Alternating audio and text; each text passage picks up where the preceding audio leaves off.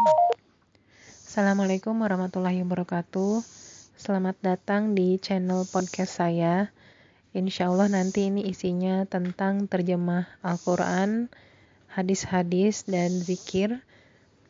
Awalnya saya dapat ide tentang podcast ini uh, karena kemarin saya uh, baru sembuh sakit.